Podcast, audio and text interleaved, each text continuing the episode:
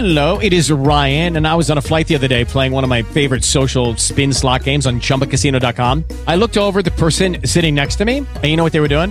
They were also playing Chumba Casino. Coincidence? I think not. Everybody's loving having fun with it. Chumba Casino is home to hundreds of casino style games that you can play for free anytime, anywhere, even at 30,000 feet. So sign up now at chumbacasino.com to claim your free welcome bonus. That's chumbacasino.com and live the Chumba life. No purchase necessary. Group. Void were prohibited by law. See terms and conditions. 18 plus. It is Ryan here, and I have a question for you. What do you do when you win?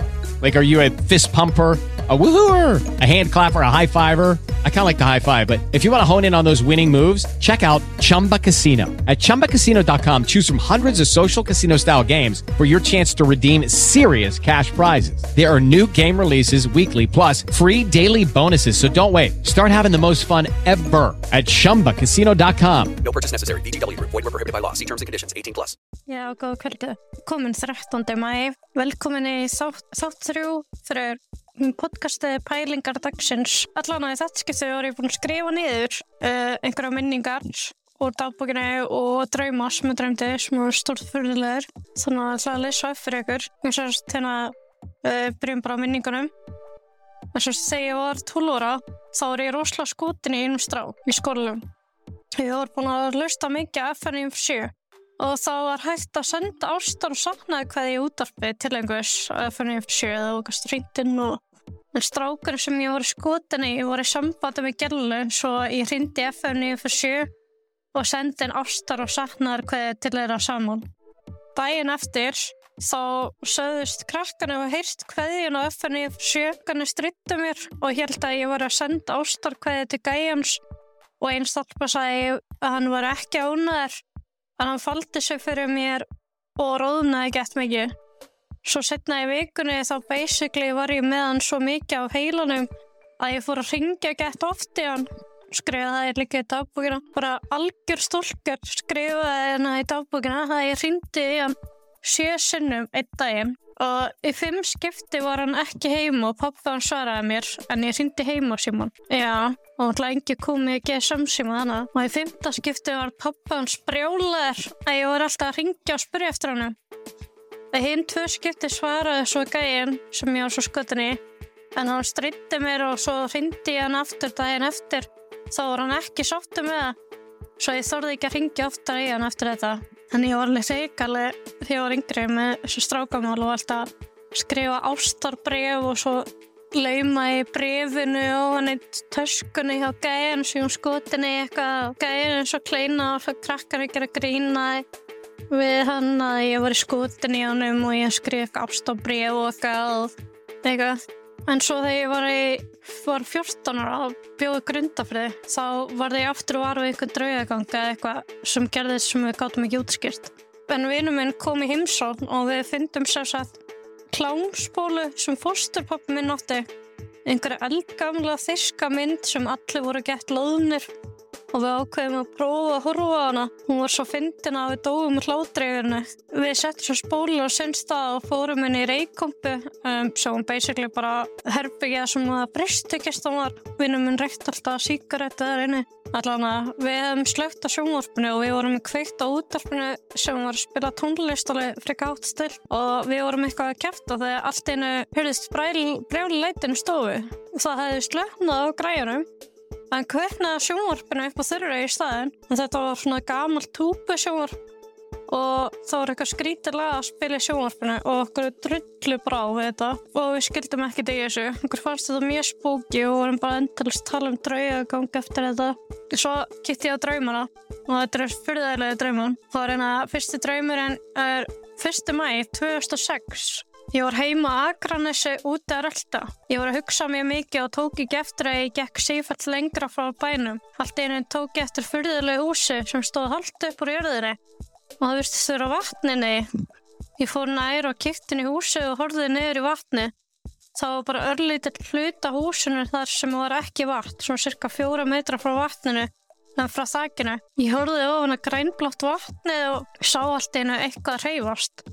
Það kom einhver vera upp, held ég að þetta væri maður, en svo þegar hann kom nær sá ég tólkna hólsunum. Ég stökk á hann í vatni og hann kom til mín, hann var í fötum, en hafði sundfitt á milli tanna og puttana. Hann var ofsalega fallegur með brún augu og dætt hár. Svo tók ég skyndilega eftir því að ég sá mjög vel í vatninu og þetta var fersk vatnsvatt. Hann talaði við mig og ég skildi hvað hann sagði og ég tók ekki að tala eins og hann í vatninu. Held að hann hefði verið svona 20 ára. Ég var þarna með honum í nokkur tíma og hitti vinans sem bjóð líka þessu húsi. Hann var líka með svona tóln og sundfitt eins og hann. Ég man ekki hvað þeir hétu. Þessi vinur hans var með ljóst hár og skerfla augu, mjög hress náðangi, aðeins yngri, líklegast tveim árum yngri. Svo þurfti ég að koma mér heim og fór rennandi blöyt heim, en þortnaði þó nokkuð að leiðinu.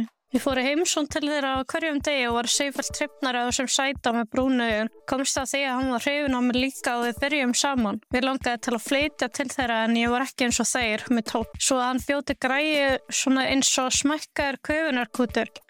Ég flutti til þeirra. Svo nokkur dögum setna hrindi vinkona mín og sagðist ætla að koma. Hún vissi af þess að ég byggi í vasshúsi með tveim sætum gaurum. Það voru herbyggi og eldhúsi í húsinu, en ég hef ekki hugmynd um hvað við borðum. Svo kom vinkona mín og sagði að ég þurfti nú að komast eitthvað út og þeir líka. Gæti ekki bara verið í þessu húsi endalust. Svo við fórum að plana parti. Mér dætti hug að halda sundlegar parti af því þeir gátt ekki verið lengi á þurru landi, þá myndi þeir bara degja. Eins og ef ég var of lengi í kafi. Þeim leist vel á sundlegar parti og ég fór að pæli því hvort þeir myndi þóla klóruvatn og hvernig óskapunum þeir ætti að fara að því að fela tólknin á hólsunum og sundvitin. Og þegar ég vatnaði þá var ég ennþá að pæla þessu. Þetta er mjög skrítan draumur. Svo þetta dreymt, nefn oft dreymt er eitthvað mjög fyrðulegt að geta bara skrifa heila sögum á. Þannig að annar draumur, 29. óttubur 2009, Ég var stödd á meðferðaheimilin fyrir unglinga og ég var að vinna þar. Ég var bara búin að vinna hann í stöttan tíma og ég var að hjálpa 16 ára strák sem hefði þurft að lifa og alast uppi ömulega aðstæður á heimilu sinu. Og hann fór út í dóp og mikla áfengislenslu. Nú var hann komin í meðferð og ég vann við að hjálpa honum, vera hann til stöðnings. Svo fórum við að dreyma annað. Ég var stödd upp á Akranessi og var út að lappa. Ég geng áfram og fram hjá nokkrum húsum og það er ágætt umferða bílum sem um gödunar. Allt í einu kemur auðvitað á litla stelpu sem lítur út frá að vera tíu ára. Hún setur upp á þakki á einu timburhúsi. Hún er að reyna að kveiki þakkinu með lóðandi spýtu. Ég geng alveg að húsinu og stoppa og leita stelpuna. Og þá sé ég út undan mér stráka sveipum aldrei á þakkinu fyrir aftur hana. Hann glóttir og hversir augun á mér. Svo leitur hann á stelpuna. Ég kalla upp til stelpunar, hei, hvað ert að gera? Stelpan lítur á mig og segir glottandi og reyðilega Hvað sínast þér? Ég er að reyna að kveiki helviti súsinu. Ég segi af hverju erst að reyna að gera það? Hún öskra á mig. Hvað kemur það þér við? Þegar ég er öll skilið að deyja. Ég tek eftir því að strákurinn er horfin. Stelpa reynir aftur að kveiki húsinu með lóðandi spýtunni. Ég kalla til hennar. Hættu þessu. Þá eru stelpa á mig rauð og kallar. Eða lætum ekki frið og kasta þessum steini í hausina þér. Hún liftur upp hendina og ég sé ágætlaðan stóran stein í hendinni.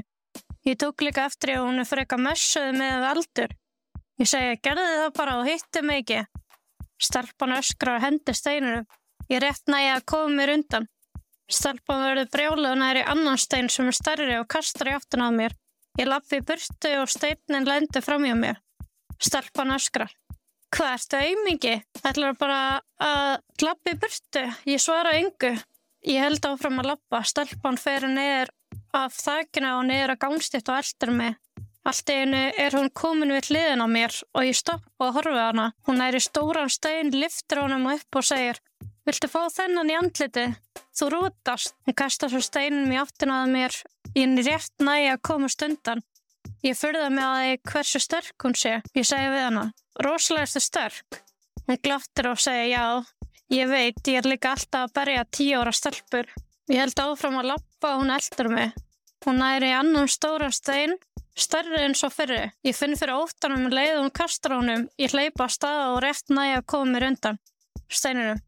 Stelpan eldi mig ekki, ég heyri hann að kalla eftir mig. Þú vinnur, ég er farin. Mér er verið hugsa til litlu systeminnar og hef áegraði stelpa á minn ráðast að hanna þegar hún er orðin tíu ára. Ég fyrir upp í skóla en finn ekki systur mína. Það eru bara nokkru eldri krakkar að leika sér úti, skóladagurinn búinn. Ég fatta það ekki. Svo ég lappa heim til mömmu og leiðinni rekst ég á frænga mín og segja henni frá því sem gerðist. svo vatnaði já, ég veit ekki alveg af hverju mig að dreyma þetta og spes með strákin sem hvarf bara Og kannski segir þetta eitthvað kannski þýtti þetta einhverju hindranir í veginum eitthvað og ég rétt náði komast mér eða veist, eitthvað sem að greina stopp, stoppa mig? En ég náði að stoppa stelpuna með hún fór að einbætt sem mér frekar heldur en að reyna að kveikja húsinu. Hvað pæling